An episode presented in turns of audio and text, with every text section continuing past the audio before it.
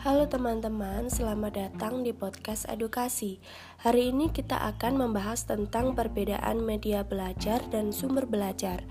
Pastinya teman-teman tahu dong kalau media dan sumber belajar itu memiliki perbedaan.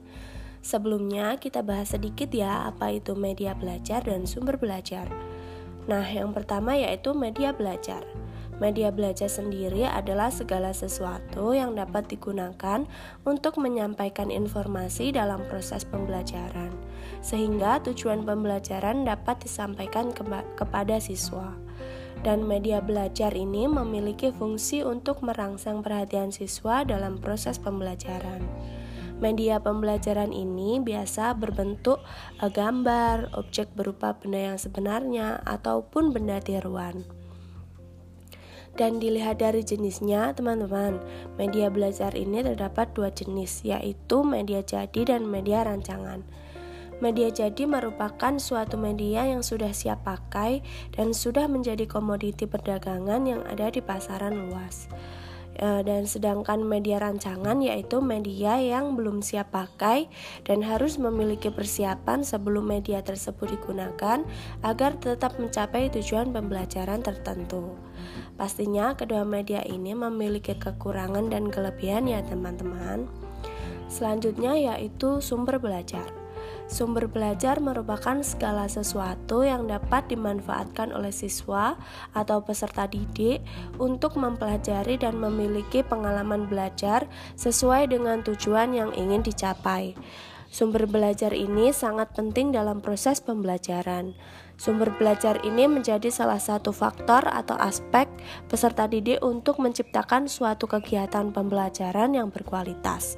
Sebagai tenaga pendidik, kita harus tahu sumber belajar mana yang digunakan agar peserta didik dapat menerima uh, informasi tentang segala aspek pembelajaran dengan baik.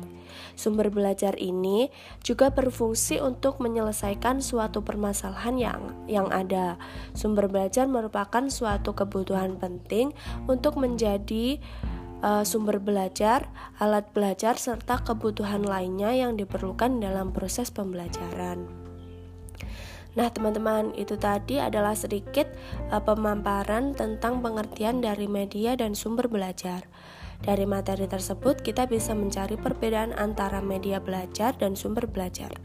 Menurut, menurut Kanifatul, eh, secara umum media adalah segala sesuatu yang dapat digunakan untuk menyalurkan bahan pembelajaran sehingga dapat merangsang perhatian, minat, pikiran, dan perasaan uh, peserta didik untuk mencapai tujuan pembelajaran.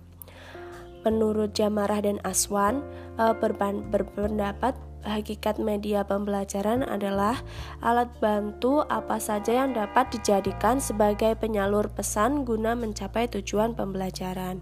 Sedangkan sumber belajar menurut Pervikal dan Ellington dalam si tepu menyatakan sumber belajar dipakai dalam pendidikan dan pelatihan adalah sebuah sistem yang terdiri atas sekumpulan bahan atau situasi yang diciptakan dengan sengaja dan dibuat agar memungkinkan peserta didik belajar secara individual.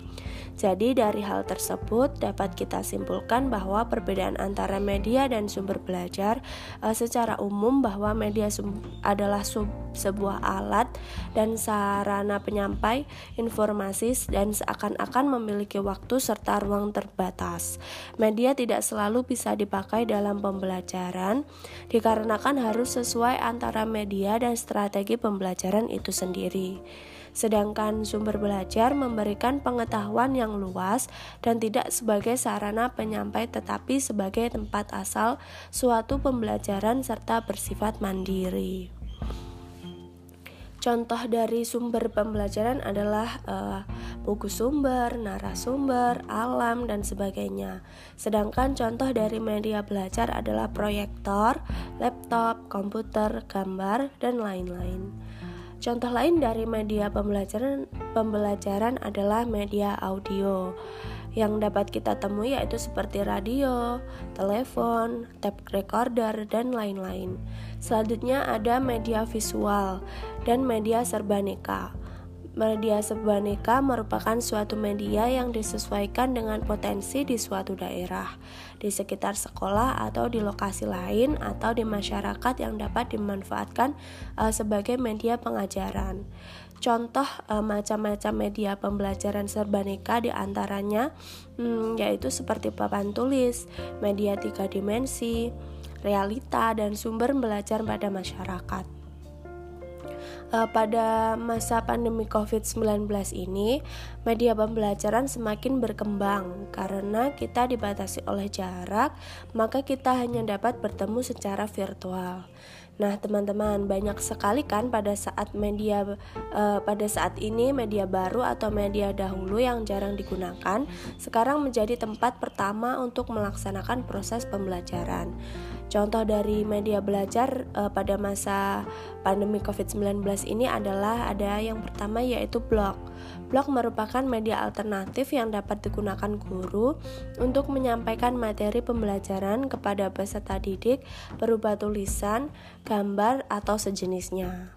Yang kedua yaitu ada YouTube. YouTube adalah media yang telah dikenal luas oleh seluruh manusia kan hampir seluruh sektor dapat menggunakan media ini ya teman-teman.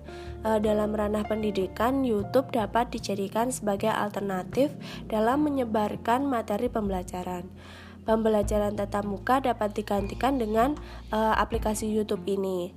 Guru dapat menyiapkan video yang berisi materi e, materi pembelajaran Lalu siswa tetap dapat menerima penjelasan guru walaupun belajar dilakukan dari rumah.